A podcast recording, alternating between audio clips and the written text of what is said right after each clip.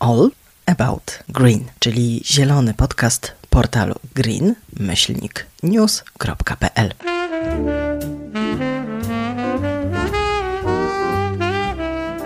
Tu znajdziesz najnowsze wiadomości o transformacji w energetyce, o OZE, elektromobilności, przemyśle, światowych trendach i tym, jaki mają wpływ na polską politykę i gospodarkę. Nie zabraknie też zielonej kultury. Ekologia. Justyna Piszczatowska, redaktor naczelna greennews.pl. Sąd Najwyższy. Prawo do życia w czystym środowisku nie jest dobrem osobistym. Mieszkaniec Rybnika wniósł sprawę do sądu w związku z tym, że nie może oddychać w swoim mieście czystym powietrzem, ani przez część roku wychodzić z dziećmi na spacery. Sąd Najwyższy rozstrzygnął w piątek 28 maja, że w Polsce prawo do życia w czystym środowisku nie jest dobrem osobistym. Pełne pytanie wniesione przez Sąd Rejonowy w Gliwicach w związku z wcześniejszym pozwem mieszkańca Gliwic brzmiało: czy prawo do życia w czystym środowisku, umożliwiające oddychanie powietrzem atmosferycznym spełniającym standardy jakości określone w przepisach powszechnie obowiązującego prawa w miejscach, w których osoba przebywa przez dłuższy czas, w szczególności w miejscu zamieszkania, stanowi dobro osobiste podlegające ochronie? Odpowiedź Sądu Najwyższego w tej sprawie brzmi nie. Nie pomogła dodatkowa argumentacja, której dostarczył Rzecznik Praw Obywatelskich. RPO zwracał uwagę, że wbrew stanowisku sądu rejonowego możliwość korzystania z nieskażonego środowiska jest dobrem osobistym, bo inaczej obywatele nie mają możliwości oddychać czystym powietrzem. Mieszkaniec Rybnika wniósł w 2015 roku do sądu o 50 tysięcy złotych za dość uczynienia za naruszenie dóbr osobistych z powodu zanieczyszczenia powietrza w mieście. Pozwał Skarb Państwa. Konkretnie zaś ówczesnych ministrów środowiska oraz energii. Rybczanin wskazał, że w okresie jesienno-zimowym nie może przewietrzyć domu, bo gdy otwiera okno, do domu wdziera się smród. Musi zatykać kratki wentylacyjne oraz uszczelniać drzwi wejściowe w stosunkowo nowym budynku. Korzysta też z oczyszczacza powietrza, który non-stop pracuje, co oznacza dodatkowe koszty. Nie może też wychodzić z domu na spacery z rodziną, z dziećmi, ani uprawiać sportu pomimo iż jest osobą aktywną fizycznie. W okresie ferii zimowych nie było ani jednego dnia, w którym normy pyłu PM10 nie byłyby przekroczone. Sprawa nie jest jednak przegrana całkowicie. Sąd uznał bowiem w ustnym uzasadnieniu, że ochronie jako dobra osobiste podlegają jednak zdrowie, wolność, prywatność, do naruszenia których może prowadzić naruszenie standardów jakości powietrza określanych w przepisach prawa. To prawa zapisane w kodeksie cywilnym. Sąd Najwyższy nie oceniał jednak, czy Skarb Państwa ponosi odpowiedzialność za jakość powietrza. Kolejnym etapem sądowej batalii będzie ponowne rozpatrzenie sprawy przez Gliwicki Sąd Rejonowy. Warto przypomnieć, że obowiązek troski o środowisko na rząd nakłada Konstytucja RP. Artykuł 74 stanowi, że władze publiczne prowadzą politykę zapewniającą bezpieczeństwo ekologiczne współczesnemu i przyszłym. Ochrona środowiska jest obowiązkiem władz publicznych. Czy Trybunał Konstytucyjny w obecnej sytuacji mógłby opowiedzieć się w takich sprawach po stronie obywateli? Trudno zachować w tej sprawie optymizm. Trybunał Sprawiedliwości UE w ostatnich dniach nakazał jako środek tymczasowy natychmiastowe wstrzymanie wydobycia węgla w polskiej kopalni Turów. TSUE napisał w uzasadnieniu, że szkody wynikające z niemożności realizacji inwestycji nie mogą przeważać nad względami związanymi ze środowiskiem naturalnym i ludzkim zdrowiem. Energia. Maciej Sikorski. Spore wydarzenie na krajowym rynku OZE. We Wrocławiu ruszyła fabryka ogniw perowskitowych. Firma Saule Technologies w końcu może pochwalić się swoją technologią na większą skalę. Saule Technologies uruchomiła we Wrocławiu linię produkcyjną perowskitowych ogniw słonecznych. Spółka zapewnia, że to pierwsza tego typu fabryka na świecie. Zakład o powierzchni około 5000 m2 będą opuszczać niezwykle cienkie, lekkie i elastyczne ogniwa, które powinny się sprawdzić wszędzie tam, gdzie nie zdadzą egzaminu tradycyjne panele krzemowe.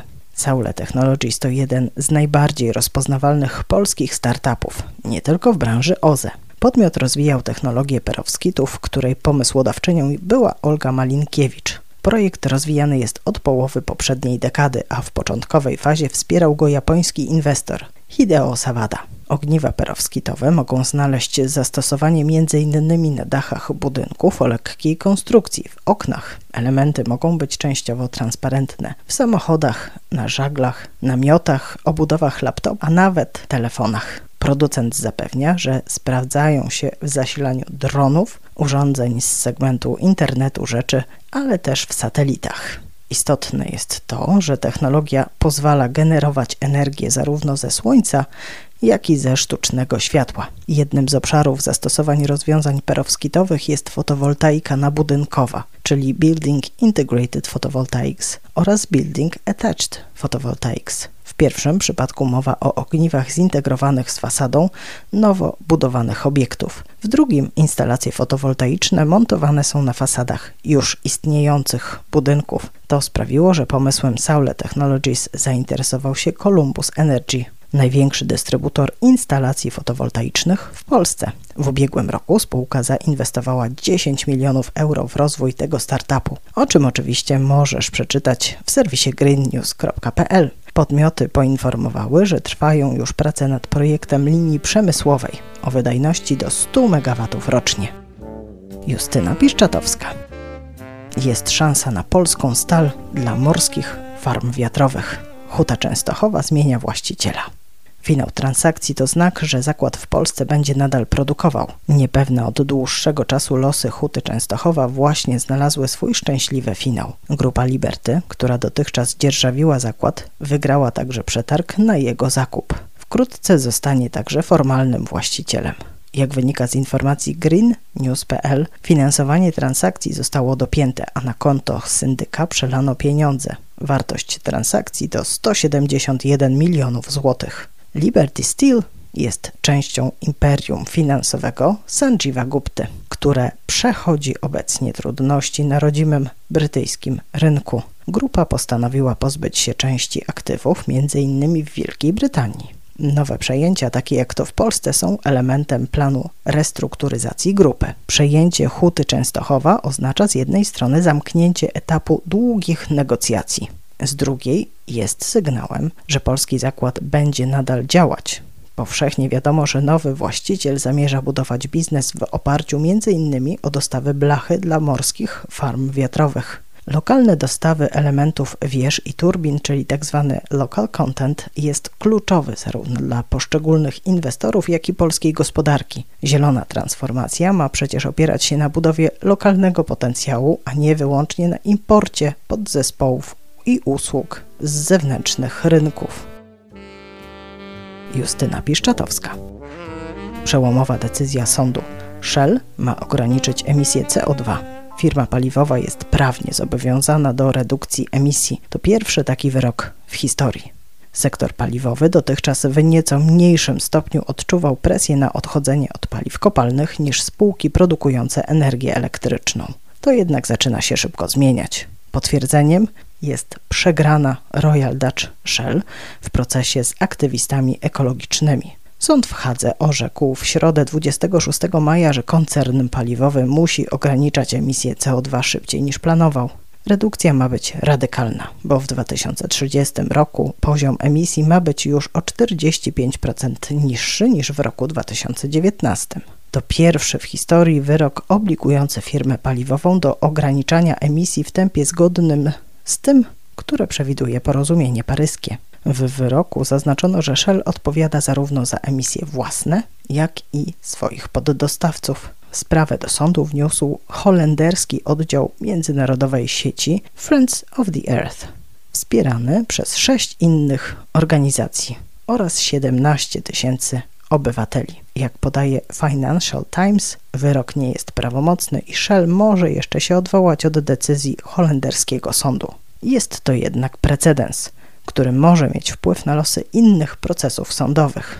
Organizacje ekologiczne wchodzą w rolę akcjonariuszy i prowadzą z największymi emitentami CO2 wielkie prawne batalie.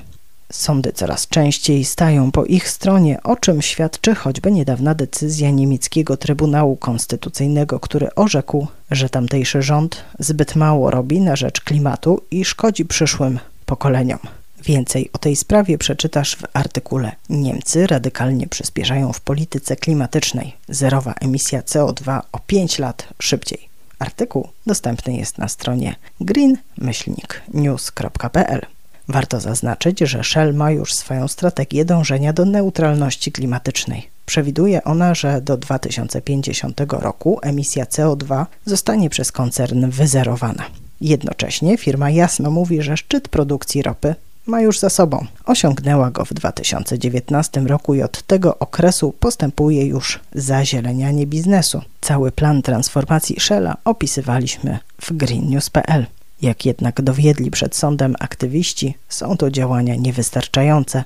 Sytuacja zmienia się na tyle szybko, że już nawet polski Orlen zapowiedział dążenie do neutralności klimatycznej. Na razie jednak jest to początek drogi i obserwując bieżące wydarzenia można się spodziewać, że również polski koncern zostanie zmuszony do zintensyfikowania działań na rzecz klimatu i środowiska. E-mobilność. Jacek Uryniuk Samochodem elektrycznym pojedziesz autostradą za darmo. Nowy projekt AutoPay. AutoPay wraz z Polskim Stowarzyszeniem Paliw Alternatywnych przygotował akcję, dzięki której samochodami elektrycznymi będzie można poruszać się po płatnych odcinkach dróg w Polsce za darmo. Operator aplikacji AutoPay oraz Polskie Stowarzyszenie Paliw Alternatywnych przygotowały akcję Autostrada do elektromobilności. Już niedługo właścicielki i właściciele samochodów elektrycznych będą mogli podróżować polskimi autostradami bezpłatnie. Dotyczy to odcinków obsługiwanych przez AutoPay, czyli A1 oraz A4 między Krakowem i Katowicami.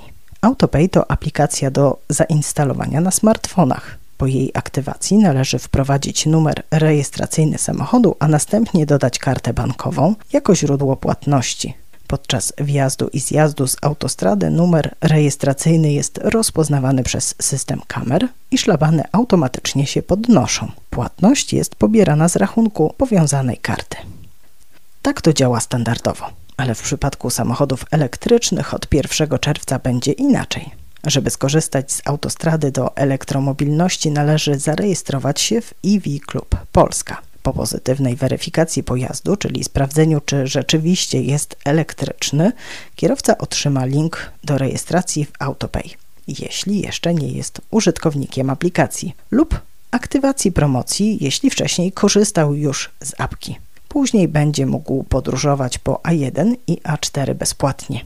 Akcja w pierwszej pilotażowej fazie ma trwać co najmniej do końca sierpnia bieżącego roku. Energia. Justyna Piszczatowska. Impas w sprawie Turowa zażegnany. Premier Czech zaprzecza słowom Morawieckiego. Mimo wcześniejszego optymizmu strony polskiej trwa dopiero ustalanie warunków, po spełnieniu których Czesi mogliby wycofać skargę z CUE.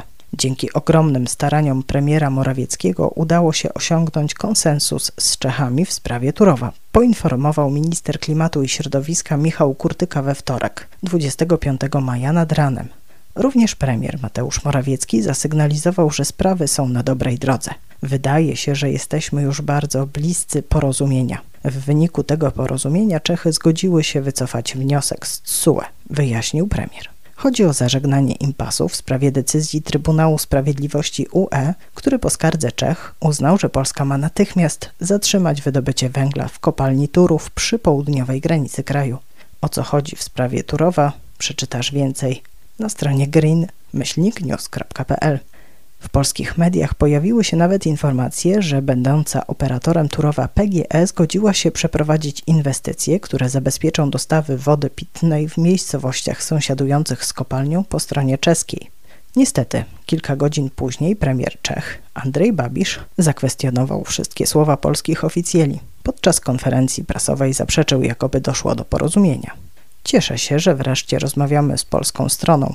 Niczego polskiemu premierowi nie obiecałem. Nie ma jeszcze porozumienia, nie wycofamy pozwu, powiedział na konferencji prasowej, o czym donosi agencja Bloomberg. Dopiero wówczas strona polska wyjaśniła, że skarga w sprawie Turowa zostanie wycofana z CUE po podpisaniu umowy Polska-Czechy. Podsumowując, Trwają rozmowy o tym, na jakich zasadach Czesi mogliby wycofać skargę z TSUE. Szkoda, że musiała aż interweniować Unia Europejska, żeby polski rząd i PGE na poważnie zaczęły rozmawiać o kompromisie w tej sprawie. Nawet jeśli uda się finalnie zażegnać konflikt wokół wydobycia i spalania węgla brunatnego w Turowie, i tak będzie można mówić o chwilowym rozwiązaniu problemu. Każdy kolejny miesiąc pokazuje, że nie ma szans na utrzymanie produkcji energii z węgla do 2044 roku. Potrzebny jest plan transformacji i wyznaczenie harmonogramu odchodzenia od węgla. A za tydzień w Green Podcast? Zamieszanie w sprawie zwężenia jednej z arterii w Warszawie, ekologiczne premiery i dekarbonizacja.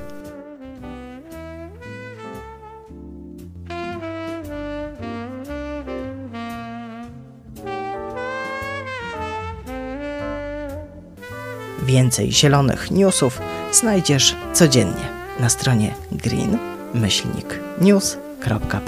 Jesteśmy też na Twitterze, Facebooku i Instagramie. Green Podcast wydawany jest przez portal greennews.pl. Co tydzień znajdziesz w nim najważniejsze zielone wydarzenia tygodnia.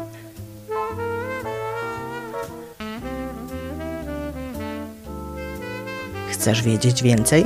Zapisz się na nasz newsletter na stronie green-news.pl. W zakładce newsletter wpisz swoje dane.